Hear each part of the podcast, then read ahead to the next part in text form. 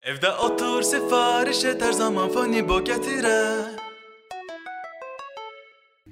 Deməli hardasa 1830-larda Viktorian erası başlayır artıq memarlıqdan öz bir yolunu götürərək qrafikaya da təkan verməyə və ilk dəfə olaraq qrafik dizayn təfsilatı ilə ə, belə deyək, guideline-lara, ə, xüsusi təyinatlara artıq bölünməyə başlayır. Hardasa demək olar ki, 1900-cü illərə qədər bu belə davam eləyir ə, və kraliça artıq ə, estetikası özünü tamamilə kostyumlardan, rekvizitlərdən, memarlıqdan və eyni zamanda ənənəvi rəssamlıqdan kənara çəkəndən sonra 1900-cü illərdə ə, ikinci dalğa olaraq qrafik dizaynda ə, arts and crafts kimi tanınan bir period start götürür. Hansı ki, bu artıq daha kommersiv forması idi. Qrafik ə, belə deyək, göstərişlərin və ə, bir növ əldə qayırma posterlər, ə, eskizdən və tipoqrafik əllərdən ortaya çıxan vizuallar başlayır növbəti 20 illiyi bəzəməyə. Ondan sonra artıq rəssamlıqla bunun yolları hardasa ə, kəsişir, qovuşur və ilk dəfə olaraq düzdür, yenə də memarlıq bir cəryanının ə, təsiri ilə, amma bu dəfə daha rəngli bir ə, qrafik dizayn erası belə deyək ki, sənayeyə qədəm qoyur. Bu Art Nouveau-nun və Art Deco-nun təsir göstərdiyi bir ə, vizual həllər periodu idi. Ondan sonra artıq ə, ən belə sevimli və rəngli mm, vizual cəryanlar ortaya çıxmağa başlayır. Müvafiq olaraq bundan sonra öz yerlərini dəyişir. Müharibəyə qədərki period demək olar ki, belə ənənəvi bir növ bazar məhsullarının reklamı üçün və kommersiv tələblərlə ortaya çıxan işlərlə əhatə olunur. Amma daha yaradıcı yanaşma qrafikaya başlayır müharibədən sonraki ə, hardasa 40-cı illərdə 1-ci Dünya müharibəsinin ə, ən ikonik posterlərindən olan I Want You ə, to the United States Army James Montgomery flaggin dizayn elədiyi Uncle Sam posteri və ya ə, məşhur feminist hərəkatının We Can Do It posteri bunun nümunədir. Ə, ortaya çıxır ə, sosialist dəyərlər, ə, ha, ha, hardasa nasional Almaniyanın ə, öz propagandasını aparmaq üçün istifadə elədiyi ə, vizual həllər heroic re realizm kimi tanınan ə, şücaət ə, realizmini ə, bir növ xəyali yaradılmış maskotlarla bir yerdə ə, sərgiləyir. Propaganda məqsədi ilə artıq ilk dəfə idi ki, qeyri-kommersiv demələr məqsədlərlə də ə, yaradıcı nümunə və ə, populist nümunə kimi qrafik işlər geniş auditoriyaya xitab eləməyə başlayır. Artıq postmüharibə 1-ci Dünya müharibəsi və onun ətrafında baş verən tarixi hadisələr sonrası o postmüharibə deyə biləcəyimiz dövrdə başlayır Walter Gropius'un məşhur Bauhaus məktəbinin təsir göstərdiyi belə deyək çağ. Ondan sonra yenidən bu öz yerini dəyişir. Late modern kimi tanınan gecikmiş belə modernizmə ə, nisbətən daha müstəvi forma almağa başlayır. Ə, əvvəl nümayiş olunan daha ə, eskizvari təsvirlər və ə, inkişaf mərhələsində qərbdən gələn American Snitch ə, adında daha doğrusu American Snitch adında bir məktəb yaranır, hansı ki extraterrestrial ə, bəşər fövqü hardasa ideyaları özündə ehtiva eləyir və daha eksperimental formada ə, əvvəlcədən akademik şəkildə təyin olunmuş ə, çərçivələr kənarında işlər ortaya qoyur. Ə, o dövrün film posterləri, B-movieləri belə deyim, vitrinə çıxardan vizuallar o hərəkətə əsas təkan verir. Bunun sonrasında artıq məlumdur ki, 70-lər, 60-lar Woodstock kimi önəmli e, tədbirlər incəsənət tarixində psixodelik ə, e, periodun başlanğıcına səbəb yaradır, hansı ki, hallyucinativ ə, e, maddələr təsiri altında ortaya çıxan vizuallar o dövrü bəzəyir. Sonrasında artıq ə, postmodernist yanaşma pop incəsənətin ortaya çıxmasından sonra qrafikaya da yol açır və postmodernizm sonrası artıq bizi daha yaxın olan ə, belə deyək, period qədəm qoyur ki, o da musiqi ilə özünü daha çox göstərmiş grunge idi. 90-lardan sonra ortaya çıxan ə, məşhur ə, rock qrupların albom coverlərinin bir çoxu ona nümunədir. Ə, və grunge ə, nə qədər eksperimental olsa da ondan sonra gələn artıq ə, ən son dalğa 2000-lərdən sonra başlayan bir növ rəqəmsal kollajlardan, ə, ənənəvi tipoqrafiya ilə ə, rəqəmsal kompüter ə, belə deyək, istehsalı tipoqrafiyaların və ə, belə deyək ki, vizual məhsulların birləşməsindən ortaya çıxan maraqlı tendensiyalar yaratdı. 2010-lardan sonra da məlumdur ki, bazar belə istehlak istehlak dünyasında çox kommersiyaləşdiyi üçün müstəvi dizayna və ə, bir dəfəlik keçid elədi. Ə, çox ə, xüsusi vurğulamalı olan nöqtələr var. Ə, İsveçrə tipoqrafiya məktəbi kimi və ya tutalım dizayn öz ə, əhəmiyyətini vermiş müəlliflərin işləri kimi Milton Glaser olsun burada. I Love New York-a bir dənə xüsusi göndərmə var. Hmm. Sonra bu simvolun orijinalı I Love New York ə, NY Milton Glaser tərəfindən dizayn olunub. Sol bas var, film posterləri hərəkatına çox böyük təkan verib. Ə, Hitchcock-la daha sonra Kubrick-lə, Stanley Kubrick-lə bir yerdə əməkdaşlıq eləyib və o işlərinə görə daha da çox tanınır. Belə vurğulaya biləcəyimiz detallar var. Amma ən belə yekun nöqtə gəlir 2010-lardan sonrakı qrafik dizaynın məhsullar etibarilə özünün ə, daha əl çatan olması ilə başlayan və bu əl çatanlıq səbəbi ilə ə, onların təcrübə ə, belə deyək də təəccübləndirmə ə, funksiyasının azaldığı müstəvi dizayna ki, artıq ə, tamamilə rəqəmsallaşmış ə, keçiddən sonra biz onları başlayırıq görməyə veb saytlarda daha çox, rəqəmsal məhsullarda və ə, belə deyək ki, kapitalist dünyanın istehsal elədiyi brendlərin təfsilatında. Yəni təsəvvür elə ki, burada kat olur, əkinçinin introsu girir.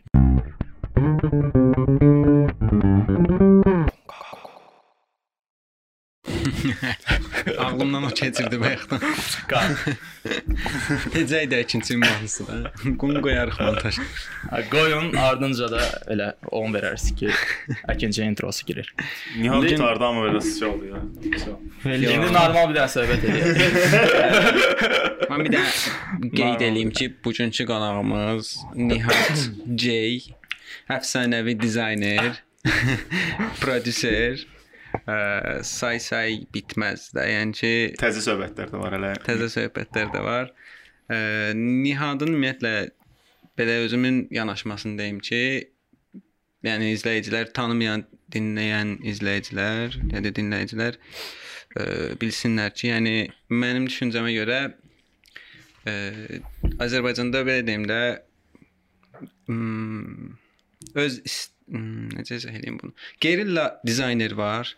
Yəni Daha çox ə, belə deyim, özümü independent artist, indie artist hesab eləyirəm. Çünki yekdil bir texniki ə, məc məcburiyyət və ya öhdəlik qoymuram. Hər hansısa bir tapşırığı istər kommersiv olsun, istər kom qeyri-kommersiv yerinə yetirərkən, təbii ki, kommersiv olduqda öhdəliklər bu daha məsuliyyətli bir ə, yanaşma tələb eləyir və istər-istəməz müəyyən çərçivələrdən yayına bilmirsən, amma qeyri-kommersiv işlərdə demək olar ki, ə, müstəqil yanaşma sərgiləməyə çalışdığım üçün bir növ yaradıcılığa ə, çərçivələrdən kənar yanaşmağı və American Knich periodunu vurğuladıq. Oradakı kimi biraz ə, daha eksperimental, daha səliqəsiz, elə al almancadan gəlir Knich sözü də daha biraz ə, töküntü, o dirty, kirli ə, yanaşmanı hələ ki, yəni ə, bloklamağa çalışmıram. Ona görə fikirləşirəm ki, daha çox ə, elə müstəqil Hı. Müstəqil. Gerilla daha çox küçə ilə əlaqədar, yəni termindir. Hə. Yəni Amma ə, q- onu da qatırsan da yox. Yəni mən ümumiyyətlə demək istədiyimi dedim. var var, gerilla çox sərbəstlik var da. Hə. Hə. Amma yenə də hər şeyin fonunda ümumiyyətlə hər iki təzə başlayırıq söhbətə qeyd eləmək istəyirəm ki, ə, düşünürəm ki, yəni Azərbaycandakı bir çox sənətçi kimi ə, mən də hələ ki ə, nə qədər danışsam da ə, işlədiyim işlər danışmağımın fonunda qalacaq. Çünki ə, nə qədər banal səslənsə də ə, həyata məni mən eləyəcək işlərin çoxu hələ ki reallaşmamış və beynimdə fırlanan işlərdir. Ona görə a, necə ki bir çox artistə mane olan vaxt resursu, maliyyə resursu və sair kimi detallar var. Ə, mənlə də tali etibarı ilə onlar ə, belə deyim, uyğunlaşır. Hı. Yəni bu səbəbdən çox belə ə, danışacağımız mövzuların ə, yəni nümunə deyim, bir də bir dəfə ə, hardasa mənim şəklimi paylaşmışdılar, yazmışdılar ki, bir, bir dənə qız yazmışdı ki, Facebookda. Bu Nihat J kimdir belə? Mən də girdim komment yazdım ki, Nihat J tanımayan nəsil yetişir. yəni bu verilişdə aşağı-yuxarı elə bir şey olacaq. Yəni. Mən mən düşünürəm ki, izləyicilərin çox tanıyacaq. E, tanımayan insanlar da yəqin ki, gedib araşdırıb. Çünki izləyicilərin tanıdığı bir çox işdə əlin var da başa düşdün. Məsələn, rep e, reperlərin bir çoxunun albom e, coverlərindən tutmuş, hətta rock qruplarının və s. Yəni onları tanıdı, tanıyırlarsa biləcəklər ki, sən o işləri görənlərdən. Hal-hazırda Niz- Nizami Kino Teatrında yerləşən posterlər Nihatın. Bəli. Dizaynı Nihatın. Debüt filmi tanıyan nə qədər insan var və debüt filmdə art direktoru da sən- sən də hə. Lo lokal musiqiçilərin bir çoxu ilə əməkdaşlıq eləmişəm. Ə, həmçinin film sektorundakı, yəni Ahmedovski, 140 Ha. Vibes, The Half-ın özü, Halfın özü. ə, ye- yerli belə deyim, hip-hop səhnəsində yaşı gənc olan və ya gənc ə, reputasiyaya sahib demək olar ki, sənətçilərin əksəriyyəti. Həmçinin film sektorunda ə, nə idi? Ay daxildəki daxildəki adam. posteri və bir, bir çox posterlər var. Yəni özümüzün ə, belə deyim, debüt filmsindən əvvəlki film ə, filmlə əlaqəli karyeram boyu işlədiyim filmlərin Hmm. posterləri olsun.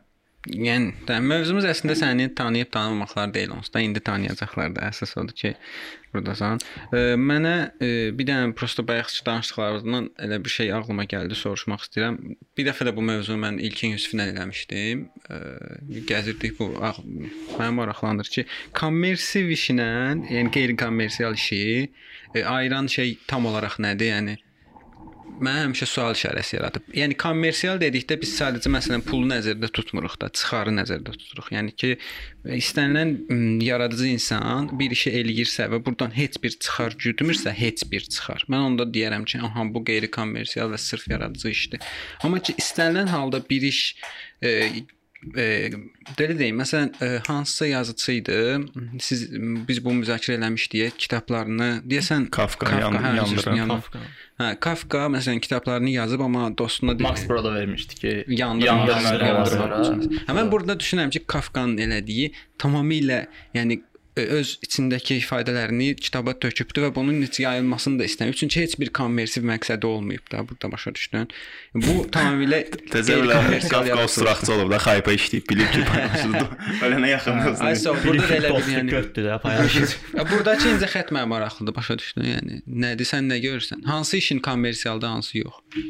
Kafka ümumiyyətlə o nümunəsi çox maraqlıdır. Mən həmişə onu vurğulayıram ki, yəni Praqa küçələrində gəzib adam və görüb belə deyim, salam minətdə, yəni üzünə tüpürəcək adam olmayıb və öləndən sonra dünya ədəbiyyatı bunu belə dostunun o ə, xəyanəti adlanıraq da, xəyanəti səbəbi ilə tanıyıb. Ə, inanmıram ki, bu belə deyim, rəqəmlərlə işləyən, ədədlərlə fırlanan dünyada elə bir obraz yaratmaq müstəqil beyin işi olsun. Çünki mənə görə o tip ə, incə sənətdə Van Gogh olmağın vaxtı mənə görə artıq bitib, yəni. Bu yəni outdated bir şeydir. O ki qaldı incə xətt məsələsinə tez-tez belə deyim, nümunə gətirdiyim adamdır. Taika Waititi, Yeni Zelandiyalı rejissordur. Tanıyanlar onu daha geniş kütlə üçün deyək ki, Jojo Rabbit filmindən qlobal maştabda tanıyır. Ondan əvvəl isə adam 2005-də çəkdiyi One Night Two Cars qısa metrajlı filmi var. Oscar namizəd olmuşdu. Özü ona bet ən yaxşı ssenari işinə görə Ən yaxşı ssenari işinə görə Ən yaxşı- Oscar qazandı. Ha, şey, Və eyni zamanda ən yaxşı film daxil olmaqla. Nominasiya. nominasiyaların sayı çox idi çünki ə, möhtəşəm production dizayn işi var idi orada. Orada bir səhnə var. Adolfman ə, o Jojo Bachelor, bazı uşaq Scott personajı oturub ə, yemək masasında steak yeyirlər. O steak unicornun unicorn mifoloji varlıqdır bilməyənlər üçün. Tək buynuzlu at və onun başı formasında o steak orada. Yəni White onun mən əminəm ki, bəlkə 20 ildir beynində fırladıb o səhnəni, amma büdcə, ə, müstəqilliyi və s. ona indi onu reallaşdırmağa dəhşət imkan yaradıb. Ə, White-in ona görə elə çox qəşəng background var. Azad sənətçi ə, sənətçinin belə deyim, ə, kommersiv ə, məsələlərlə mübarizəsi haqqında. Onun çox qəşəng TEDx çıxışı var. Mən izləyicilərə tövsiyə edirəm baxmağı. 2010-cu ildə Qətərdə, Dohada ə, Yeni Zelandiyalı qonaq kimi o, o- zaman boy filmini çəkmişdi. Yeni Zelandiyanın ən çox səfərlərə büdcə yığan film olmuşdu və demək olar ki, kino ə, sənayesi heç olmayan bir ölkəyə kino mədəniyyətini gətirmişdi. Ə, sonradan daha bomba işlər oldu, amma orada qəşəng vuruladığı məqamlar var ki, deyir mən kinoya gəlinə qədər demək olar ki, incəsənətin bütün növlərində öz eksperimentlərimi elədim. Və Orada da göstərir. Adam frame by frame animationdan tutmuş, ə, contemporary fotoqrafiyaya qədər məşğul olub, ə, sosial illüstrasiyalar eləyib, kollajlar eləyib, ə, qısa filmlər çəkib, ə, fotoseriyalar eləyib, Michael Jacksona ithaf olunan parodik şəkildə və çox-çox qarışıq, yəni stop motion animasiya ilə məşğul Overall olub. olub bunlar yoxsa ancaq bir dənə kinoda yəni daha çox. Onlar Yeni Zelandiya çapında sıravi bir sənətçinin gördüyü işlər olub, yəni ki, dünya miqyasına çıxa bilməyib. Və sonradan artıq ə, bu müxtəliflik onu gətirib cəmləyib filmdə ə, və xarici bir ölkə vətəndaşı kimi onda bu alınıb. Yəni ki, ə, qlobal qız, kinonun qızıl sahillərinə sürə bilib öz gəmi, gəmisində belə deyək. Təzəlicə özü Save Ralph. Save Ralph-ı da vardı. hə, səsləndirir. Tam onun personajına uyğun ə, belə deyək obrazdır, yaradılmış. Wes Andersonun çox qəşəng analogiya qurmaq olar Taika Waititi arasında ümumiyyətlə karyeralarında olan işlərlə bağlı. Çünki onun ilk filmi Eagle vs Shark-a məsələn Moonrise Kingdom-da göndərmə var. Sonra Jojo Rabbit-də də bu Wes Andersona göndərmə eləyib. Moonrise Kingdom filmini elə. Və o deyir ki, yəni mənim ə, bir niyyətim var idi ki, ağlımda olan şeyləri sadəcə reallaşdırmaq, eləmək. Ə, heç bir perfeksionist belə deyə çərçivə özümə qoymadan, çünki istənilən halda sən hər hansısa bir işi ə, dünya belə deyim, vizual ə, vitrinində mükəmməl halda belə ə, necə deyirlər də serve eləməyə, təklif eləməyə qalxsan, bu çox hardasa kosmik şəkildə bəlkə büdcə tələb edən ə, həllərə gətirib çıxardacaq beynində. Hı. Ən yaxşısı elə eləməkdir. Yəni ağlında olanı reallaşdırmaq. Çox ə, bərbad halda olsa belə, çünki ideya istənilən halda texniki bütün qabiliyyətlərdən daha bahalıdır. Hı. Reklam sənə orada mane ola bilər ki, Azərbaycan kimi ölkədə məsələn, ə, yaradıcı beynin qiyməti hələ də tam formalaşmayıb. Bu ona görə belədir ki, burada yaradıcı sferalarda satılan ən bahalı işlər, yüksək qiymətə ə, təklif olunan xidmətlər marketinq sektorunun təsiri səbəbi ilə formalaşır. Hı. Yəni Azərbaycanda kiməsə sırf yaradıcı ideya istehsal elədiyi üçün pullar sayılmır. İstər-istəməz kommersiya olur da, yəni. kommersiya olur. Ona görə biraz ə, kommersiv olaraq belə deyim, resurs tapmış müstəqil layihələr ə, xüsusi qeyri-adilik sərgiləmə məcburiyyətində qalır. Məsələn, Balta proyekti kimi. Hı. Hansı ki, ə, çox tək-tük və ə, müəyyən bir təsadüf tələb eləyən işlərdir. Hansı ki, ə, o belə deyim, texniki resursa sahib olan adamların bir araya gəlməyi və heç bir kommersiv niyyət olmadan ə, bunu eləmək istəyi və s. E, kimi. prosta məsələ odur ki, Baltanın özündə də Baltanın özü də kommersiya layihəsi kimi sayılır, başa düşdün? Çünki Balta ə, düzdür oradan ə, əlavə gəlir götürülməyib, amma layihənin başa gəlməsi üçün ə, yəni sponsorlar olub və onların ə, istəklərinə uyğun bəzi şeylər eləməli də olubdu Balta başa düşdün? Tamamilə independent, yəni belə deyim, sərbəst bir layihə deyil. Amma Balta Ki- pitching prosesi keçməyib də. Yəni ki, Baltanın ssenarisi yazılıb ə, və onun bütün texniki tərəfləri müəlliflərin özünün bildiyi kimi həll olunub. Heç bir çərçivə və ya təyinat olmadan. Kommersiv uğuru isə sonradan baş verib, yəni Mən- Baltanın. Bu artıq onu müstəqil layihə olmaqdan çıxartmır və və ya entuziast layihə olmaqdan onu kənarlaşdırmır. Yəni ki, yekunda bu sifariş əsasında və ya özəl sektorun tələbi ilə reallaşmış layihə olmayıb. Hı. Ki bu da ə, öz tarixinin, öz coğrafiyasının tarixinin müəyyən qədər ilki olduğu üçün elə belə də olmalı idi. Bunun başqa alternativi yox idi. Sən artıq əlində balta kimi produkt olandan sonra ə, diqqət mərkəzinə düşə bilərsən baltanın yer aldığı sənayedə. Hı. Və artıq onun davamı baş vermirsə, onda ə, auditoriya və ya belə deyim də ə, təşkilatçılar barədə şikayətlənməyə əsas olacaq. Belə e, mənim əslində orada elə marağımı çəkən bir dənə şey var ki, məsələn Baltadan əvvəl bucaqda sırf elə nə vaxtsa Baltanı eləyə bilmək üçün edilmiş bir e, at Baltaya gedən yoldur da belə deyim. Or orada bir etaplardan biridir də. Bucaq məsələn e, bizim animasiyanı uşaqların məsələn animasiya öyrənməyinə, e, inkişaf elətdirməyinə, sonra da Baltanı hazırlamağa imkan yaradan bir layihə olubdu. Və heç bir sponsor olmayıbdı bucaq daxilində. Amma bu belə mənə elə gəlir ki, birbaşa kommersiya layihəsidir. Çünki e, burada sənin e, ən e, məqsədlərindən biri e, yaxşı yaradıcılıq ortaya qoymaqdır, qoymaqdırsa, ikinci məqsədin e, özünü inkişaf eləməkdirsə, üçüncü məqsəd isə pul qazanmaq olur yenə də. Hər bir halda istənilən bir yaradıcı şəxsin bir məqsədi var ki, oradan bir gəliri olsun. Yəni o, söhbət orada pula girdiyi anda artıq məncə layihə artıq kommersial olmuş olur. Mən fikirləşirəm ki, Azərbaycanda bu gün ə, yaradıcı sırf resursuna görə ə, onu xoşbəxt eləyəcəyi qədər qazanan adam yoxdur. Fərqi yoxdur. Ə, sırf hansı ki ə, ona görə ayaqda qalır və belə deyim də, yəni ki, Azərbaycanda mən hələ ki elə bir fərd tanımıram ki, sırf yaradıcı işlərə fokuslanıb, ə, tərəddüd elədiyi işlərə ə, məsuliyyət ortağı olmağı belə deyim, ə, razılaşmır, o kompromisə getmir və xoşbəxtdir, elə bir adam tanımıram.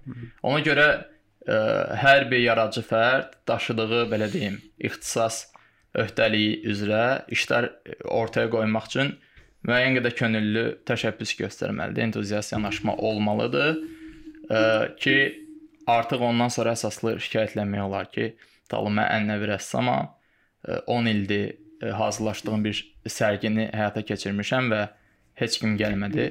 Ə, ardı ilə də maraqlanan olmadı. Hı. Bunun yəni talehi belə müqəddəratı bu yolu keçməyə biraz məhkumdur. O da irəli gəlir artıq akademik ə, ixtisaslaşmanın əvvəlcədən ə, yanlış qurulmasına və ə, belə deyək ki, rejim dəyişən bir ə, müstəqilləşən ölkənin ə, böyük bir imperiya tərkibindən çıxandan sonra yenidən oturub bu ə, təyinatları bölüşdürməməklə, düzgün bölüşdürməməklə. Ki, incəsənət ümumiyyətlə də müharibə keçmişli bir ölkənin fonunda qalır və bu torpaqlar üçün ə, daha insani mövzular bu illər ərzində aktual olub deyə, istər müstəqillik dönəmindən əvvəl, istər müstəqillik dönəmindən sonra o istismarçı və müstəmləki müstəmləkəçi ə, güclərin belə deyim, təsiri altında yaradıcı olaraq ə, təyinatlaşdırılmış nəsə eləmək Hı. artıq ə, çox qarışıq bir hala gəlib. Ki incəsənət bir sözlə fonda qalıb və ə, onun selektivliyini də yenə də undergrounddan belə deyim aşağı təbəqədən çıxan işlər yenidən həyata keçirəcək. Hı. Yəni ki, o Onlar saxlayıb. el, elə formalaşmalıdır. Yəni müstəqil incəsənət formalaşdırmalıdır Azərbaycanda incəsənətin gələcəyin. Çünki ə, müasir dünyanın ə, incəsənət peşələrinin əksəriyyəti Azərbaycanda akademik şəkildə tədris olunmur. Ee, bir də ki Hmm, yəni ümumiyyətlə yaradıcı insanlar kommersiyaya biraz e, şeylə yanaşmamalıdır məncə. Yəni bu yaxşı bu onun yaradıcılığına pis təsir eləyəcəkmiş kimi e, məncə yanaşmaqları düzgün deyil. Əslində kommersiyadan, yəni bu bu bundan istifadə eləyib düzgün e, öz yaradıcılığını daha yaxşı ortaya çıxarda biləcəklər. Biləcəkkən e, bunun e, yaradıcılığa mənfi təsiri ola biləcəkmiş bir şeymiş kimi yanaşmaq məncə Bəzi düzgün deyil. insanlar də. prosta ideologiya kimi bunu özünə qəbul eləyir ki, hə mən kommersiya istəmirəm, mənim ideologiyama tərsdir. Kommersiya işi görsəm mən necə deyim, özüm özümdən utanaram da ki, öz incəsənətimi qurban verirəm. Satdım da. Hə. Elə bir yanaşma var, amma mən bilmirəm bu niyə var da. Yəni bu axı pis şey deyil. Yəni bu sənin sənətini ortaya çıxartmaq üçün əslində sənə kömək olan bir Alright. vasitədir də, Bu yox. bu ona görə var ki, əvvəla biz nə qədər inkar eləsək də, vaxt resursu hər şeydən bahadır. Hı. Və tarixdə, yəni Roy Anderson kimi ə, nümunə var ki, adamın 25 ilini reklam ssenarisi alıb. Ə, sırf rejissor kimi əlindən 25 ili Bilirəm, hə, alınıb. 400-ə yaxın kommersiya filmi var. film, film çəkib, television commercial çəkib və bu yəni Swedish Love Story-ni çəkəndən sonra kinodan uzaqlaşmağa və 25 il sonra qayıtmağa. Düzdür, yəni ki, onun çəkdiyi reklamların hər biri öz ə, yaradıcılığı çərçivəsindədir. İstər ə, belə deyək, set dizaynı olsun, istər dekorativ tərəfləri olsun. Amma yenə də ə, adam ən bəşəri ə, görməli olduğu işləri baxırıq ki, Living Trilogy olsun, falan olsun. Ə, təzədən qayıdıb 25 ildən sonra eləyib və müəyyən qədər üzücü durumdur ki, o 25 il ərzində ə, bunları beynində fırladan adam yəqin ki, daha da böyük ə, daha sayca ə, çox işlər və siyahı ortaya qoya bilərdi. Hə bu tərəfi artıq ə, inkar olunmazdı da, yəni ki, ə, yaradıcı adam niyə kommersiv işlərlə bağlı şikayətçidir? Hı. Amma baxırsan ki, kom yəni çəkdiyi reklam filmlərdə belə öz gestapoluğunu qoyub da orada başa düşdün. Yəni ki, öz yaradıcılığını Dəstə xəttini. Hə də, yəni bu bu bu biraz buna qarşı gəlmək, bunun yaradıcılığın qarşısını aldığını düşünmək məncə düzgün deyil. Yəni yaradıcılıq hər yerdə. var da, asılı bir şeydir. Yəni Skandinaviyada olanda bu Hmm. biraz belə alına bilər. Hə də, yəni nə bilim. Bəziləri yəni sırf yaratdığı şey öz övladı kimi baxır. Yəni sırf sənət, sənətlə məşğul olanlar və bunu pulla satmaq. Yəni mən bunu niyə pulla satım? biraz Yəni mən- romantik fikir kimi gəlir mənə, realist. Yo, var da elə adamlar ki, yəni Deyil, başqa işdə işləyir və yaradıcılığı sırf ə, yəni pul pul qazanmaq üçün yox. Yəni sevir deyə, yəni yaradı və bunu Yəni- pul pulla sat. Təbii ki, bəlkə istəyər satsın ya da ki, nə bilim, biraz qarışıq məsələdir əslində. Sən də yəni sən çalışırsan da hazırda düzdür? Hə, yəni bayaq dediyim kimi də market dünyasında artıq Van Gogh olmağın dövrü çoxdan bitib. Mən çalışıram yox, yəni ümumiyyətlə bu ə, survive eləməyin, ayaqda durmağın yeganə yoludur da. Yəni ki, maddi bir ə, maliyyələşmən konkret olaraq yoxdursa və əslində ki, baxanda indi ə, daimi olaraq olduğum klublardan birini götürsək elə, yəni şey, debüt filmsin özünü götürsək, dövlət tərəfindən maliyyələşən studiyadır. Sırf ə, belə deyim, həm film istehsalı, həm də ə, film təyinatları üzrə maarifləndirmə istiqamətində maliyyələşən və qarşılığında ə, icra olunacaq işlərdən başqa ə, xüsusi bir kommersiv ə, satış ə, hesabatı gözlənilmədən baş verən prosesdir. Halbuki, yəni bunun ə, özəl sektor tərəfindən də ə, belə necə deyirlər, spesifik yanaşması başdasa ölkədə o daha yaxşı nəticələr gətirib çıxardar da. Çünki özəl sektorun ə, qəti şəkildə və bir mənalı şəkildə gözləntisi ə, sadəcə auditoriya və satışdır. Hətta satışdan da çox bəzən auditoriyaya xitab eləmək. Hı. Yəni ən əsas fetişidir də. Ki o fetiş qırılmalıdır, yəni ki, sən məhsulu başqa cürdə sata biliriksə, Hı. Elə bir məcburiyyət olmamalıdır ki, orada mütləq hər hansısa bir ə, kütlənin yaratdığı bütləşmiş bir məşhur sima yer alsın. Hı. Ki onun iştirak iştirakı olmadan sanki qeyri-mümkündür bunu reallaşdırmaq kimi bir əvvəlcədən tələb qoyulsun yaradıcı komanda qarşısında.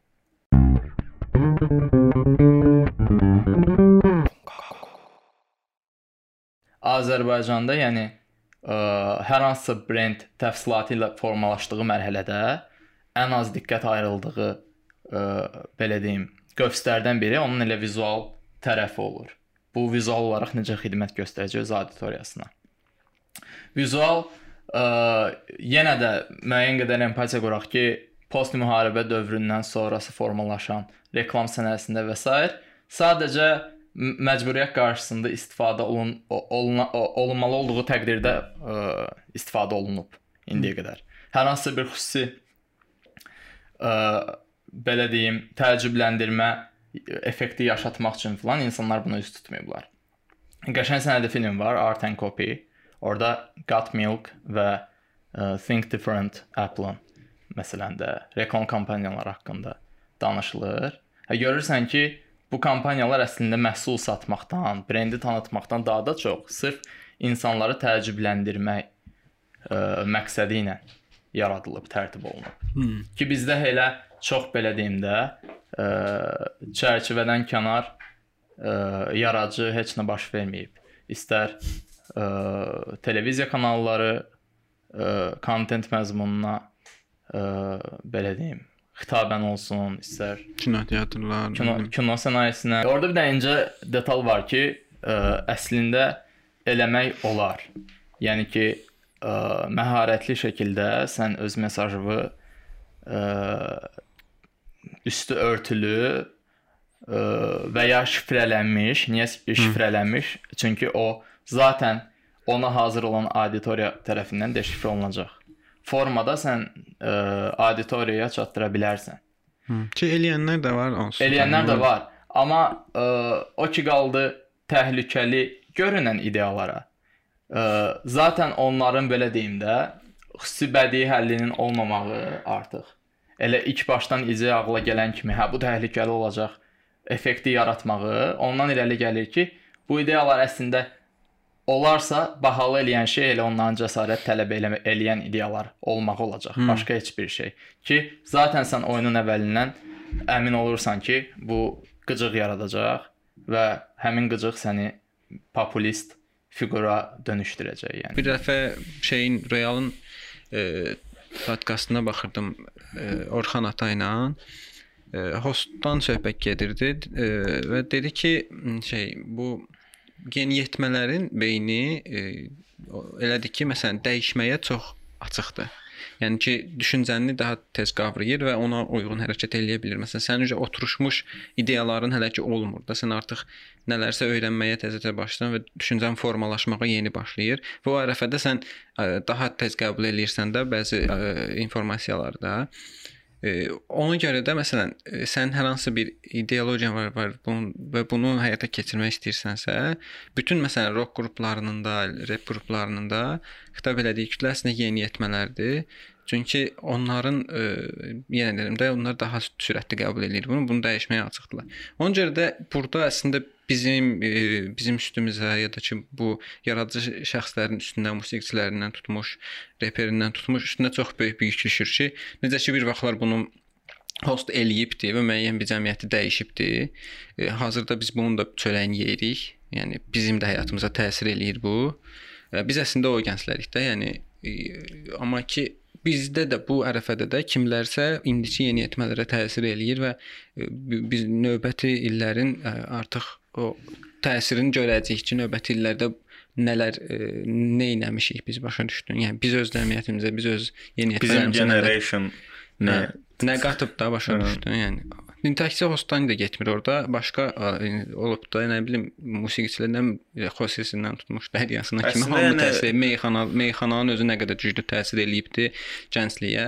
O da- dövrdə ancaq yəni sosial şəbəkələrin olmaması, internetin daha zəif olması, yəni olmaması sırf ə, Azərbaycanda olan, yəni təsir edə bilirdisə, indi məncə indi indiki generationa, yəni xarici da, xarici qruplar və yaxud ə, yəni daha açıqdılar da bu məsələlər. Yəni YouTube, Dünyavidir. dünya hə, yəni daha çox bizdən bizim yəni artıq məncə ki, hansı Azərbaycanlı ə, rep qrupunun və yaxud rock qrupunun təsirinə ehtiyac da yoxdur. Yəni Bu tənqidi də Yox, formalaşdırır da. influensa hər halda yəni- ehtiyac var. Çünki yerli yerlidə olan hə- baş verən proses heç vaxt xarici ilə müqayisə eləmək olmaz. Sən yerlidə baş verən proses həmişə daha təsirli olur.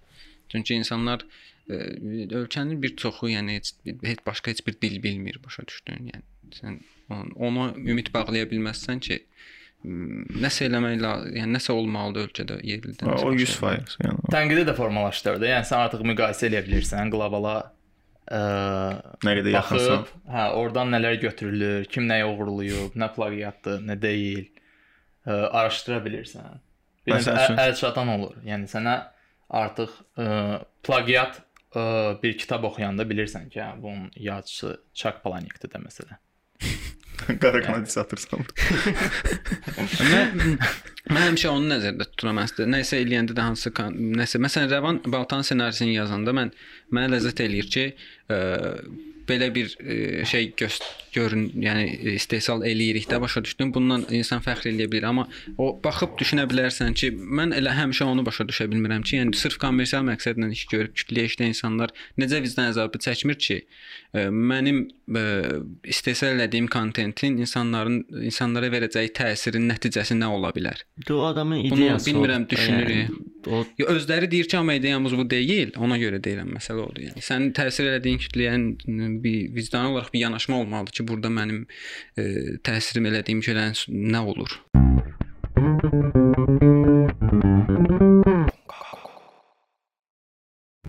Sənə gəlmir ki, Üzeyir Hacıbəyev Leyli və Məcnun Romeo Juliet-dən fırladıb. o vaxt internet yox idi ki, o gəzib axı, Üzeyir Hacıbəyev çox gəzib də, yəni. O vaxt internet yox idi. Sən deyirdin, nə indi daha tutmaq olur da plagiatı. Gəl fırladım. Amma belə deyim də, bir növ pionerlərə elə şeyləri bağışlamaq olur. Məsələn, Üzər Hacıbəyevə baxırsan ki, image etibarilə adam Bertolt Brecht-dir də, yəni ki, smoking Ölkəyə qatdığı Elə? şey o, elə bir şeydir ki, yəni və hə də yəni ki, ə, tək onu plagiat eləsinlər. dəhşətli dərəcədə yəni ə, tematikanı dəyişib ölkə incəsənəti üzrə. Hətta dəyişib desək də müəyyən qədər ədalətsiz olur da, çünki ə, yaradıcılarından biridir. başladıb. Yəni bunu bu formada, bu estetika ilə başlatmağı, düzgün moodboardla start götürməyi çox möhtəşəmdir. Üstündə chain səliqə. Hə, yəni ki, Saç qəşəng. Taxt deyil. aysa Düşdü şəhərə. smoking səliqə. Əzdə şeydə qalırdı da. Ev muzeyi şeydədir. Nizami kino teatrında. düşdü. Üzeyir düşdü şəhərə. Yazıb. Tələbələri falan da yəni. Koroğlu virtürazını yazıb düşdü, başa düşdü. Hə. Niyazi Save eləyib çıxırdı. da. Renderə qoyub düşdü. Renderə qoyub çıxdı. Qayıqdan bunu gözləyirdim mən deyəsən. Render sözü. Seyir düşdü yəni. Debutə deyim gəl. Çəkilin bilet. Fikrini Biləsi bildirəcəm. geçək Bunun öydə. qapıya çıxırsan. İstəyirsiniz bir Hə. dənə.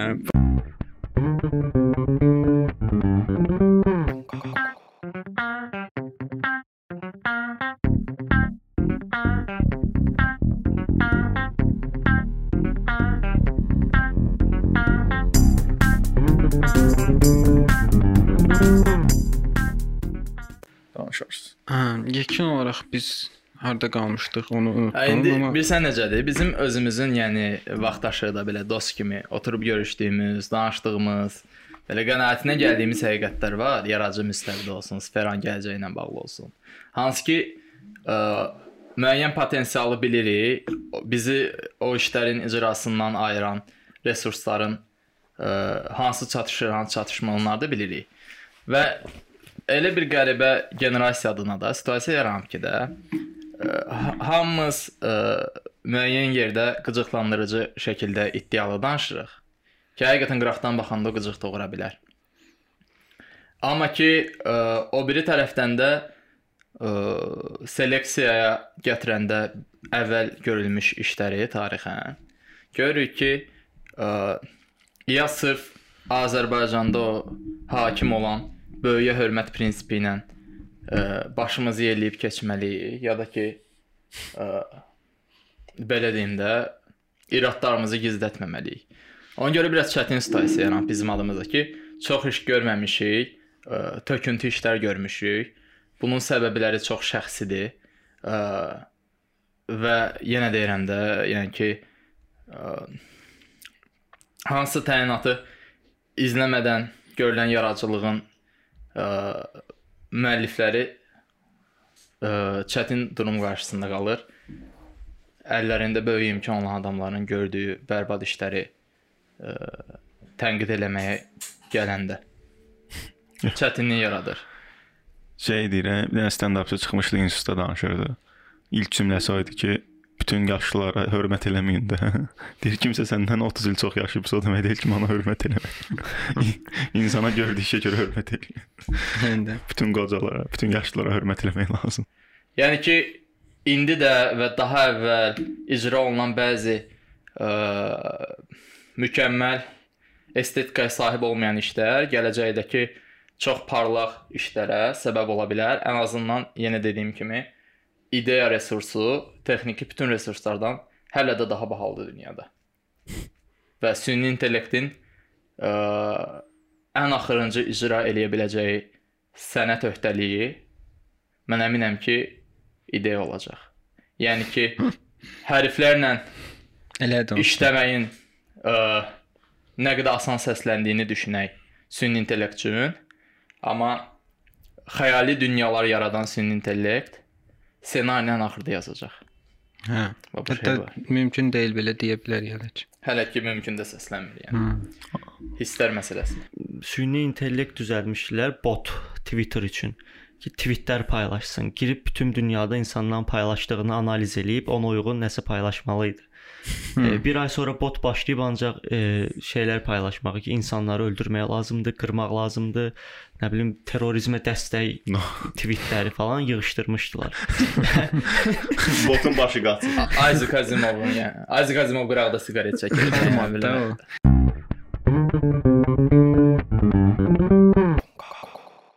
Əlixan elə bir dənə söhbəti var idi, hə, nə çəkmişdilər, yoxsa baxmamışdılar. Bizim verilişdə danışırdı. elə. Doğrudan.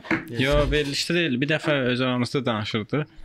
Deyir, e, e, bir hə, maşın aşırdacaymışlar səhnədə. Hardasa bir Hə, neçə min dəyəri var imiş o səhnənin də 20 falan. Pantrol var idi o söhbət. Pantra var idi söhbət. Heç nədən maşını aşırdıblar. Prosta reka basmayıb kameraman. Prosta sonradan pantral təzədən yığmalı olub səhnəni. O maşın aşma. Halbuki real çəkəcəymişlər alınmayıb. Amma o elə Saddam demişdi, mənim söhbət deyəsən, prosta Ola bilər. niyəsə. Çəkən məsələsi idi. ümumiyyətlə çox qəlis məsələdir. Operatorun ən böyük işlərindən Yəni bir biridir. Niyə O basmıyorsun? knopkanı da qırmızı eləyiblər ki, yəni biləsən də, yəni ki. Ondan başqa şey də çox zayobdur. O çəkilişdən sonra kadrları bir də kompüterə yükləməlisəni. Bizdə o şər qarşanda çəkirdi. Bir nəfər var idi ki, sırf o işə baxırdı da setdə. Hamı gəlirdi yatmağa, bu səhərə qədər oyaq qalırdı belə kompüterdə. Gözləyirdi ki, getsin. Zor işdir. də. yüklənsin. Qəşəng işdir. Ready idi özdə. Düşün onun faylı Mən işləyirəm o işdə. Yəni hazırdakı kimdə məncə daha yaxşıdır. Azərbaycanda 3 dənə ə, art direktor ə, saymaq film sənayesindən söhbət gedir. Çox çətindir. Hı. Bu ondan irəli gəlir ki, Azərbaycanda art direktor kəlməsi ə, reklamdan gəlib, reklam agentliklərindən gəlib. Hı. Bu peşənin özünün adının ə, neologist termin kimi reklam sənayesindən gəlməyi artıq belə ə, baltanı belindən vurur da bu söhbətin. Ona görə ki ə, avtomatik görürs düşünürsən ki, ilk ağla gələn olur ki, demək ki, bizdə setdə hansı ki Azərbaycan filmin özünün fundamental belə kinostudiyanın 10 illərlə istehsal elədiyi Sovet dövrü ərzin- ərzində də filmlərdə quruluşçu rəssamlar olub, yer alıblar. Dekoratorlar olub. Amma demək ki, ə, müstəqillik dönəmindən sonra ə, vacib görülməyib. Xüsusən də özəl sektorun istehsal elədiyi filmlərdə bu vacib detal kimi vurğulanmayıb. Ona görə də insanların yaddaşında film əslində ə, belə deyim, mürəkkəb vizual həlləri olmadan, bir növ dokumental formada qalıb. Hı. Xüsusən də ə, yeraltı və müstəqil filmlərdən söhbət eləyiriksə. Dövlət sifarişi ilə olan filmlərdə xüsusən də Məsələn, bir şey var, Əlinin o var idi, bir ara gəldilər, elədilər, getdilər.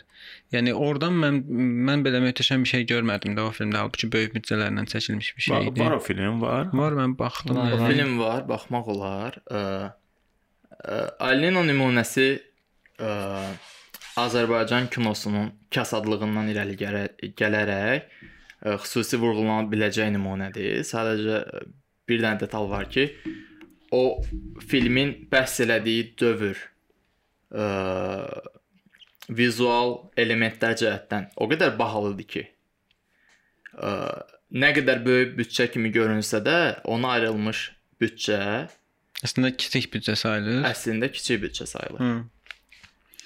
Əslində yəni içəri şəhəri bağlamışdılar, əməlli Və o resurs da, yəni ki, xarici insan resursudur da, yəni Rejissor- insan kapitalı olaraq. Asif Kapadia. Kapadia ə, möhtəşəm sənədi filmlər rejissordur. Emmy filmi ilə və Senna filmi ilə ə, Ayrton Senna əfsanəvi ə, Formula 1 pilotu haqqında olan və Emmy Winehouse olan filmlərlə Oscar mükafatı qazanıb. Oscar var ha.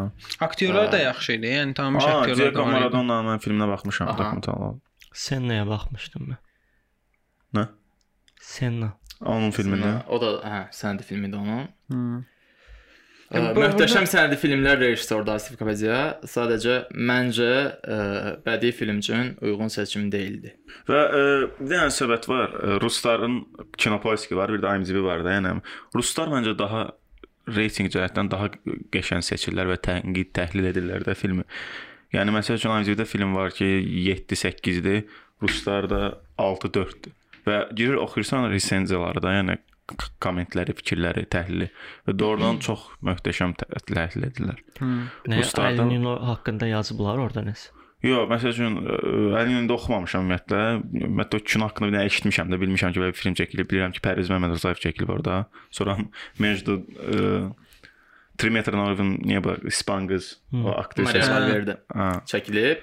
Amma deyim uşaqlar ki, yəni IMDb ə, film reytinqi üçün üst tutulmalı olan Həm Hə. biraz cəmiyyətə açıq olduğu üçün daha hə, ideal nümunə deyil. Yəni ki, hə. Ancaq hal-hazırda yəni Şaşıqdan qaçış filmində həm Kinopoiskdə birinci yerdədir, həm ə, IMDb-də birinci yerdədir də. Yəni doğrudan layiq Yaxşı filmdir, amma birinci yerdə olmağa layiq deyil məncə. biraz mübahisəli şey, mövzudur ancaq. o baxın həmişə də mübahisələr ol- olaraq qalacaq, yəni ki, o reallığı dəyişdirə Görəsən bilməzsən. ə, olacaq nə vaxtsa düşəcək Şaşıqdan qaçış olacaq, niyə olmayacaq əlbəttə. Sadəcə neçə illərdir. Ə, Məncə biraz indi o şeydir artıq, necə deyim. Kult olub da. Hə, də o birinci yerdə olmağı kult olub. Artıq baxmayan belə girir 10 xalı Yox, əslində mövzuda çox möhtəşəm mövzudur axı, ümid. Yəni Var da O çox. Biraz şey var o. ə, şəxsi yanaşmadır da. Yəni ki, sənə görə möhtəşəm olan mövzu Hə, okey. mənə görə olmaya bilər və orada da yenə kütləvi yanaşma Yox, məncə sırf ki- yox, burada kütləvi yanaşır. Çünki ümid, ha, bütün insanlarda ümid hissi var da, nəyisə ümid etmək. Bəlkə də o budur da onu elə birinci yer eləyən. Hə, amma ə, başqa dəyərlərdən yanaşan adam üçün Godfather-ın birincisi məsələn Hə. ən yaxşı film ola bilər. Və ya tutalım qisas sevən adam üçün Drive filmi. E, siz Godfather-ın ən Çox üstün cəhəti nədir yəni?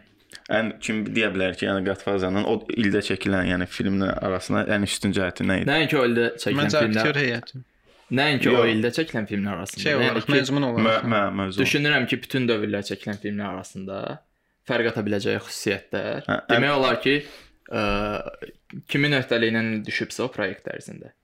Hamısı olduqca peşəkar və tamam şəkildə Ya, yəni eyni elə- eyni moodboardu izləyərək, eyni ab-havanı izləyərək işini tamamlayıblar. Yəni Nino Rota'dan tutmuş bə bəstəkarı filmin. Ə, yəni color grading-nə qədər də, yəni Kapolaya. rənglərin Mən tənzimlənməsi. hətta şey oxumuşdum onun işıq e, şefi haqqındakı e, Marlon Brando'nun səhnəsi var, ikonik oturub kreslosunda pişiyi sığallayır zad. Həmin səhnələrdə rejissor daha aydınlıq istəyib. E, işıq şefi dirəşib ki, yox, işığı yuxarıdan quraq ki, gözləri görsənməsin personajın, çünki personaj elə bir şeydir ki, biz onun hisslərini bilməli deyilik. E, dava eliblər setdə bir-birlərinin axır işıq şefinin dediyi olub. yuxarıdan qurublar və sklet kimi görünür də adam gözü görsənmir qaranlıqdan. Yəni qısası hə, e, kimin üstünə film ərzində, film çəkiliş müddəti ərzində və post production ərzində də ə, hansı öhdəlik düşübsə, onu tamamilə yerinə yetirməsi məsuliyyətli və ke- keyfiyyətli şəkildə. Şok, şok, şok. İndi bir dənə açıqlama edirəm. Ya ə, ən üstün cəhətlərindən biri də o idi ki, yəni o dövrdə çəkilən, ümumiyyətlə SSR-də qadağan olmuşdu o film. E, Gangsteri e, yaxşı göstərmək. Həm Yəni gangsterdə, gangster. hə, e, xarakteri də, yəni başa düşdün. Yəni SSR dövrdə banditlər pis, bunlar pisdir. Bunların xarakteri, bunların olsa, sevgisi yoxdur. Bunlar Mafiya adı falan keçmir heç. Hə, yəni Ailə o dövr üçün bu bir şok idi da. Yəni adi bir e, mafiya ailəsini belə göstərmək, yəni mafiya ailəsi də sevir. Mafiyada da belə hisslər var və o dövrdə heç bir rejissor bunu, heç bir ssenarist belə bir şey yox idi və ə, ən belə deyək də önə çəkən nüanslardan da biridir. Ha. Əslində çəkmək istəmirmiş. Ə, haqqında oxumuşdum ki, onun o o bir yoldaşları var, Spielberg falan. O tərz filmlər istəyirmiş adam. Bu filmi heç istəmirmiş çəkmək. Prosta büdcə ayrılıb falan məcbur olub çəkib. Şey, Çəkəndən sonra da o qədər ə, şey geri dönüş alıb ki, pul baxımından adam ə, gəlib şey oyuncaq qatarlar alıb evin hər tərəfinə düzüb ancaq onları izləyirmiş. Hə, o Lucasdan falan yaxın idi. şeydəki kitab var da. Mario Puzo'nun əsəridir deyəsən. Mario Puzo'nun əsəri əsasında çəkilib. Ümumiyyətlə inkar olunmaz ə, tarixi gücə təsirə sahib perioddur. Siciliyadan Elis adası yolu ilə Amerikaya ayaq açan mafiya kultu və o kultun ən önəmli filmidir. Və ən önəmli filmi də çox peşəkar həll olunub, yəni ki, ona görə. Amma bu Ancaq bu bunun da ancaq əslində birinci IMDb-də birinci olan dedin, hərənin öz dəyəri var, hərə öz özünə görə dəyişir. Aha, E, bu yes, gangster həyatı, bu yəni söhbətlər hamıya yaxın ola bilmə bilər. Ancaq ümid yenə edirəm hamıya yaxın bir hissdir deyə, bəlkə də bütün hamıya toxunub deyə, bəlkə də birinci yerdədir. Məsələn, Stephen King respect. Stephen King deyir ki, mənə bir dəfə yaxınlaşmışdılar. Stephen Kingin axı şeydə çox vaxt ə, qorxulu əsərlər, yəni hamısı şeydir də, horrordur. Deyir bir dəfə qadın yaxınlaşdı mənə deyir ki, bəs sən çox pis kitablar yazırsan da. Bəs get Shawshank-dan qaçışa bax bir dənə gör nə qəşəng kitabdır. hansı göz əsəridir. Hə, hansı gözləsin. King uzun illər ərzində, belə deyim, uzun periodda narkotik ma maddələrin ə, zərərlərindən əziyyət çəkib. Çox Kingə baxanda oxşayıram, patı qoy. çox qoyub yazıb. Bütün, əsərləri qoyub yazıb. Perenizada. Kingin bir də qənimi var, o da Kubrickdir də. Hə, belə bu mövzu açmısan O yaradıcılıqda yoldaşı qaytarıb da təzədən yazıb əsərləri falan. Yəni bir növ o yoldaşı ilə olan münasibəti. Axırıncı şey oldu da, filmcə. Xloya idi o film. Şey oynayırdı nə? Xloya Moretz oynayırdı. Hı. Filmin adı nə idi? Qız olur bir dənə iç- içində nəsə. telekinez eləyən hə, Kerry. Kerry. Kerry. Ən axırıncı deyəsən o şeyində çəkilib. Onun əsəri əsasında çəkilib. Bu ümumiyyətlə şey maddələrin istifadəsi var. E? Yəni yaradıcı adamların çoxsunda da var da belə bir şey ki, yəni ya alkoqolik olurlar, ya maddə istifadə edirlər. E, yəni nə dərəcədə düzgün və ümumiyyətlə lazımlı və ya lazımsız söhbəti var da burada. E, necə yanaşsan? Yəni qrafik dizaynla götürsə, bayaq introda dediyim kimi, yəni psixodelik periodun özünün ortaya çıxma səbəbi hallyutsinativ tərkibli maddələr olub. Hmm. Bu öz yerində. Ki demək ki, hər şey qoyaq qırağa, vizual olaraq bunun əhəmiyyəti müəyyən qədər var və inkar olunmazdı. O ki qaldı ə, insan beyninin ə, sıravi bir ə, belə deyim də standartında işləmə mexanizmi ə, eyni qədər abstrakt yaradıcılıq sərgiləyə bilərmi sualına? Hı, ay sağ ol. Ə, bir dəfə hardasa görsən, 2 dəfə görsən, 3 dəfə bu periodun ortaya çıxartdığı işləri görüb ilhamlansan, hə, mümkündür.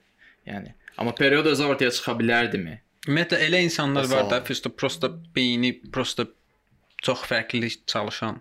Məsələn, yəni heç bir maddə qəbul eləməsə belə, yəni tamamilə insanlardan fərqli düşünən, ümumiyyətlə bu fikirlərdə və yaradıcılığında buna borclu olan adamlar var da, mən düşünürəm ki. Amma o xüsusi bir e, belə deyim, bacarıq istəyən bir şey deyil əslində. Son e, insanın yaşantısından gələn bir şeydir. İstənilən halda sən onu yaşamadan ə, eləməyə qalxsan, eləməyə cəhd göstərsən, bu adaptasiyadan ə, o tərəfə keçməyəcək də. Hı. O məsələ var. Yəni ona görə sən seçirsən də ya ə, başqa rakursdan baxmağa çalışırsan həyata, baş verən hadisələrə ki, limitsizdir də bu müəyyən mənada. Hər daim hansı mövzunu götürüb işləmək olar. Hmm. Bir dənə stand-upçının söhbəti var da, çıxıb səhnəyə ki, və siz kim narkotikə qarşı alqışlasınız o. Məsələn, müəyyən kütlə zad alqışlar. Deyir ki, şeyə qarşıdırsa, getsin evdəki olan bütün rock albomları hamısını yandırsın da naxuy.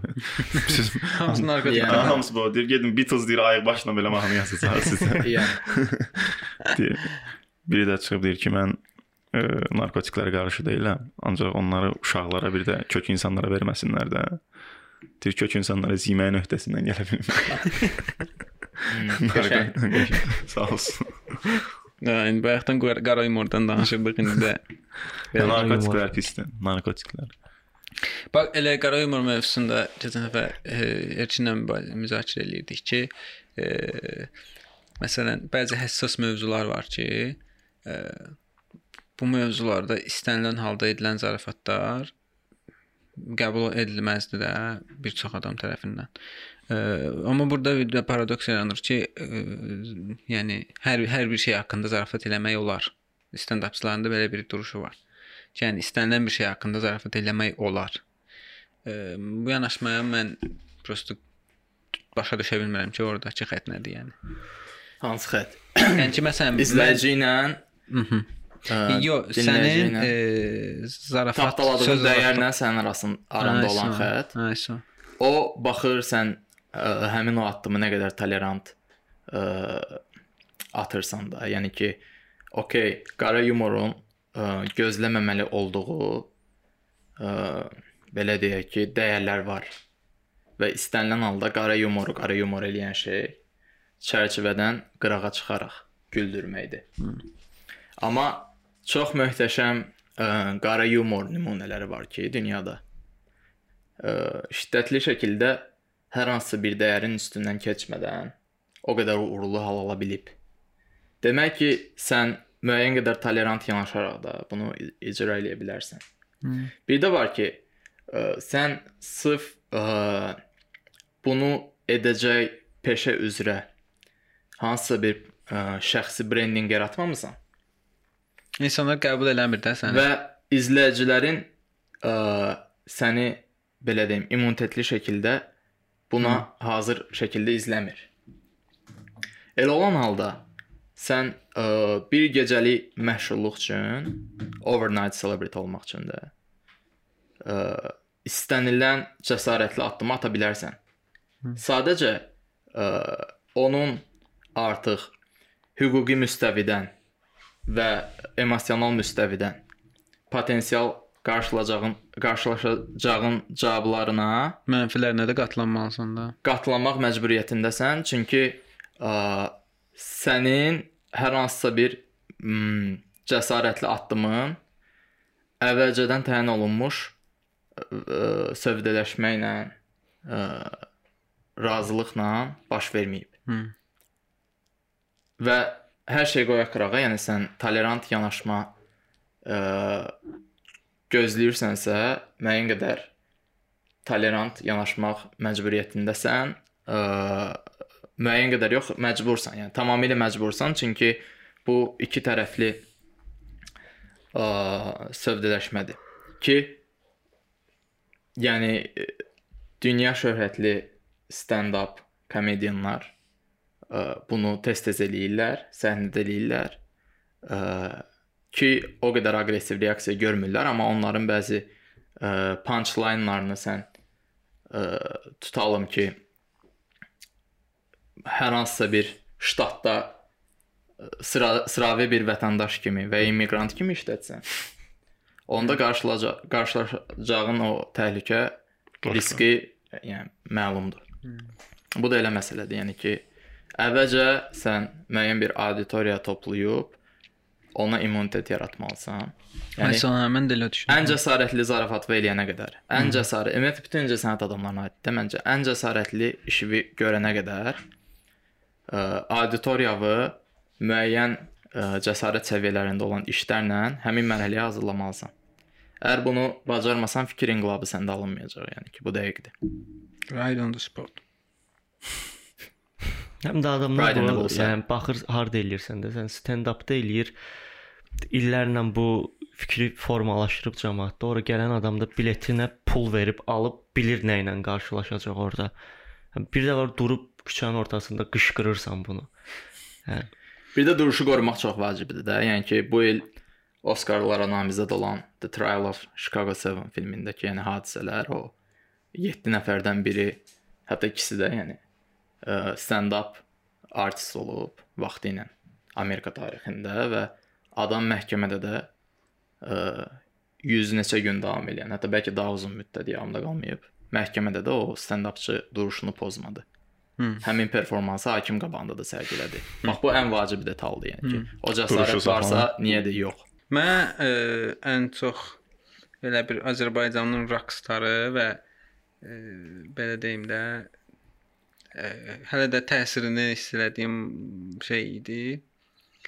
Ə, Çingiz Mustafayev. Arada kadrlara belə baxanda falan, görüntülərə falan baxanda o dövr üçün çox möhtəşəm adam. Real oldu da, yəni. rockstardır yəni. Hə də. Geyimindən tutmuş elədiyi cəsarət Bütün fəaliyyət dövrü yəni ki, Texno parti istər- deyəsən o vermişdi. Hə, istər yəni ki, musiqiyə verdiyi töhfə olsun, istər ə, bir milliyyətçi personaj kimi də, yəni gördüyü müharibə illərində fəaliyyət olsun, istər vizual Hı. ə, töhfəsi olsun. Ə, mən- Dəhşət fiqur. Adamın ölümü də möhtəşəm idi. Yəni o kadrlar alıb üstə. Yəni yıxılır. Bir tərəf qaranlıqdır, bir tərəf işıqlıqdır.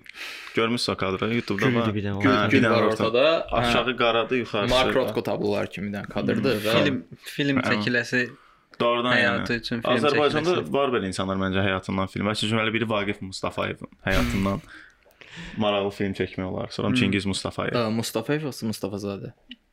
Yox, Mustafayev. Rejissor. Rejissor. Sonra Çingiz Mustafayev. Məng- Məng çəkmə Yox, olar. Vaqif ə, Şey Va- yap. Vaqif Mustafazadə haqqında Vaqif da. Yəni Vaqiflər haqqında film çəkmək. İkisini də bir Çingizə çəkmək. qarşı elə bir məcburiyyət ə, hər daim hiss eləmişəm. Gücüm çatdığı qədər ə, çalışdıq ki, Orxan Adıgözəlovla Hə, gör- ekranlaşdırdığımız Müzəffərlin Dinozavr Dinozavr. adlı sənədi filmində ə, o filmdə Çingizə də yer ayıraq. Çünki Rasim Müzəffərlinin bilməyənlər üçün Ozan qrupunun yaradıcısı və vokalisti olub. Həmçinin solo karyerası vaxtında ə, yazdığı bir çox mahnılar kifayət qədər tanınır. Çəkilməsi.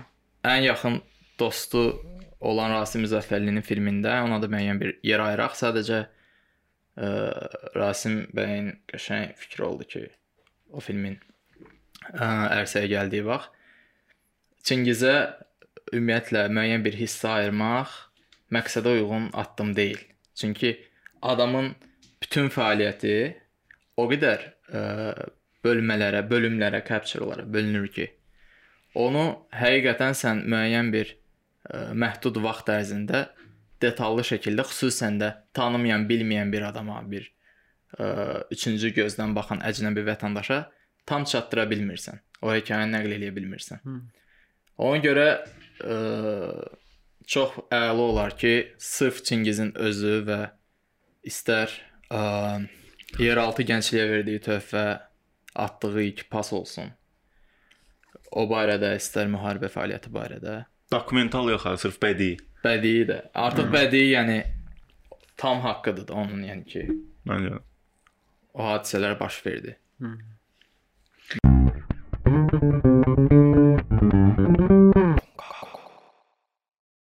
Ki bilən bilən adam, yəni ki özündən əmin olan adam və fikrindən əmin olan adam bayaqçı dediyimiz o işıq şefinin e, öz dirənişini göstərmək kimi də, yəni e, Özgüvənsizlik əminsənsə, hə, əminsənsə bir şeydən bu barədə sonuna qədər getməlisən. Hətta alınmasa belə, yəni Ed Wood, sonra Disaster Artist-dəki şey, ə, Hmm. Disaster Artist-də e, Tommy Wiseau'nun həyatı idi da, rejissor Tommy Wiseau. Tarixin ən uğursuz rejissorlarından biri sayılır. Yəni Filmdə. hətta alınmasa belə, Ru- Rum filmi var idi bir dənə. hə onun müəllifidir. Tommy Wiseau. Hə, biz debütdə Sodom Bəyazlı proyekti işləmişdik Talya Yüzbəyovla. Belə o bir növ ə, ildə hardasa 2 dəfə baş verən axırıncısı da elə New Year special idi. Mən isə e, eşitmişdim ki, axırıncısının ssenarisini sən yazmışdın. Yox, o onu mənim adaşım Davidin Copywriter var, Nihad Məmmədov yazır. Başqa ya mən Ə, demişdim. O həmçinin Daviddəki film haqqında bloqların müəllifidir.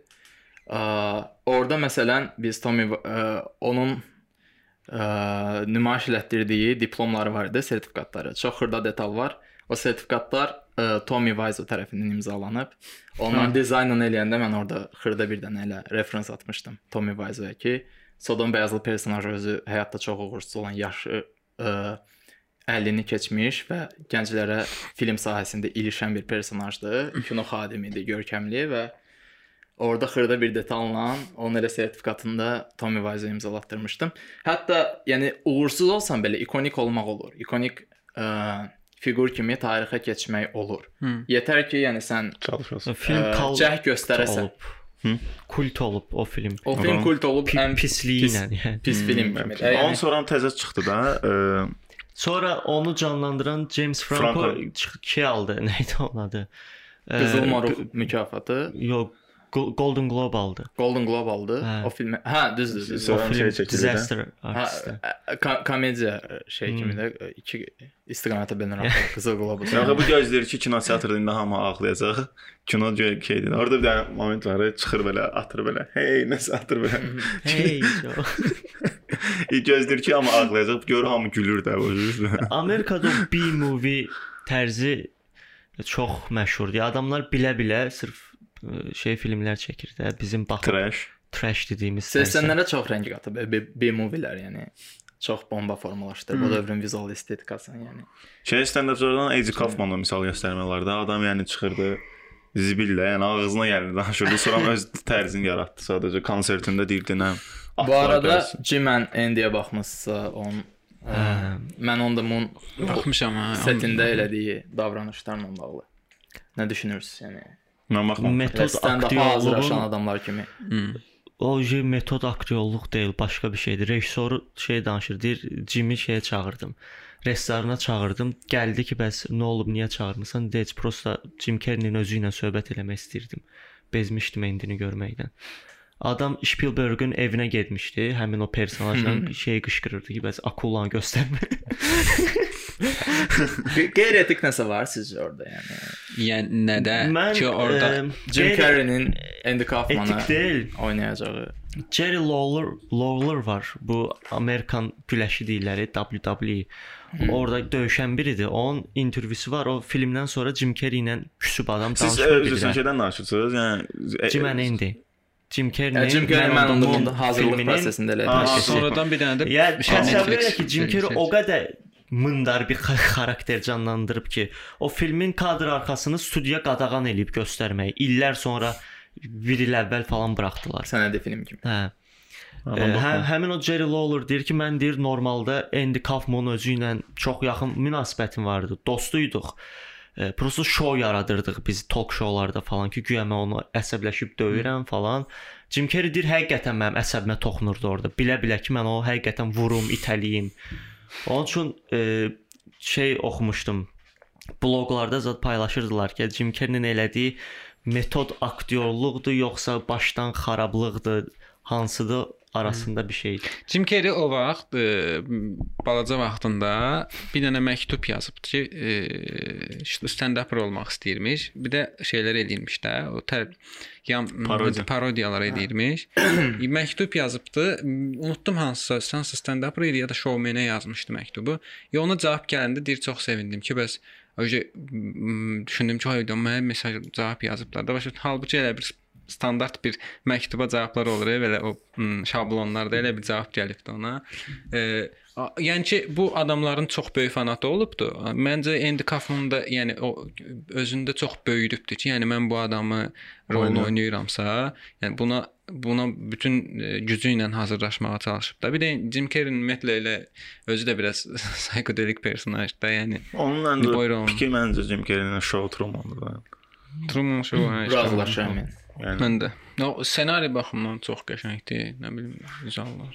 Həm yəni Ace Kaufman-da da Jim Carrey-dir, başa düşürsən? Ace Ventura-da da Jim Carrey-dir. Nəmi o Tanrı. Yo, yo, elə deməz. Yo, elə bil özüdür də, başa düşürsən? Ey- Eynidir, yəni. E, Ssenarist çox uğurludur. Ə, Onun ssenaristi In Time filmində ssenarisini yazıb. uto- utopiyanı, yəni a- Topik antitopiyanı, dünyalar. distopiyanı yaxşı yazır, yəni ki. Hı. Çox qəşəng yazır. Ən yaxşı distopiyalardan biridir də məncə. Ya bu- Bədii bədii həllərinə görə Truman Show yəni. Özdə hamının ağlına gəlib də bu həyatda mən başroldayam. Yəni o və çək şeydir də. Ya o uğurlu ideyalar, şey ideyalardır, sadə ideyalardır. Hamı düşünür bunu, amma Heç heç kim heç nə eləmir. Görəndə də bir Fəlsəfi oydu. belə yükü də zordur. Yəni ki Peter Veron Dead Poets Society-dən sonra çəkib də Robin Williams'la olan. Hı. Ona görə fəlsəfi tərəfdən də baxanda Robin Williams ölür qəşəng- orada, o- qəşəng odur. Hə, Şəklin içində yaşayır zət. O filmdə elə okey. Yo yo. Yox, başqa. Dead. Fəlsəfi. Society. Biraz peyt başqa. Mən rus dilində bilmirəm Good Will iki Hunting edirsiniz. Rus dilində olar zəhmət olmasa. Translate. Şeir nədir üstündə? Хороший Hansi. Six, six. Ə, Azərbaycan dilində şeydə ölü ə, şairlər, Cəmiyyət. şairlər Ha, yox. okey, yox ki bildim ansız. Yo, yo. yo. E, Klub, e, Qiraətçilər klub, dərnəyi. klub sama bir- klub Payetov da bildim bildim hansı filmdir. O da. Okey, Hə. o da. O Kidding çox zordur, ya, ssenarisi ləzzət eləmişdi. Adam təsəvvür elə şey personajdır. Belə uş bizim uşaq vaxtı baxdığımız nyam-nyam zad var. Evet. Jim Henson kimi də Muppet Hə. Show-nun yara- yaradıcısı kimi bir ə, puppetlərlə kukla ə, televiziya şousu üçün işləyən bir çox amma məşhur, dünyaca məşhurdur. O qədər məşhurdur ki, oğrular maşınını oğruyur. Gəlib sökürlər maşın satmaq üçün. Baqajı açanda görürlər ha papıtlar, bunun papıtları da. Bilirlər maşın bundur. Maşını Ha, təzədən yığırlar. təzədən gətirib oğladıqları yerə qoyurlar. Knight-ı. Yox, o təzə filmidir burada. E, ağır rolda. Müseyib deyir bitirin artıq. Bitirək. Və O da 1 deyirsə, saat oldu bu arada. Bir 2 ə, ümumilikdə Nihat o, o da qəşəng rolda. Elə onunla bitirə bilərik Jim Carrey No Kidding serialındakı da. Ki multiplikatordur, məşhur, ə, uşaqlara xitab edən geniş auditoriyası var və günün birində övladının ə, ölüm xəbərini auditoriyaya nəql eləməkdən çəkinmir. Ə, yəni bəzən yaradıcı adam həyatda daha əvvəl qazandığı bütün uğuru, bütün ə, formalaşdırdığı reputasiyanı bir anda müəyyən qədər silkələyə bilər. Hansı ki, emosional davranışı ilə və s. Amma ə, əgər o həqiqətən o yolu uğurlu gəlibsə tamamilə bu onun üçün bağışlanmalı olur. Necə ki, orada prodüser demişdi ki, eləməyək, bizə milyonluq müqavilələr var, o öhdəliklər var, amma o elədi, amma yenə də müəyyən qədər bağışlanıldı ona. Belə, belə də ki, incəsənət Pardon.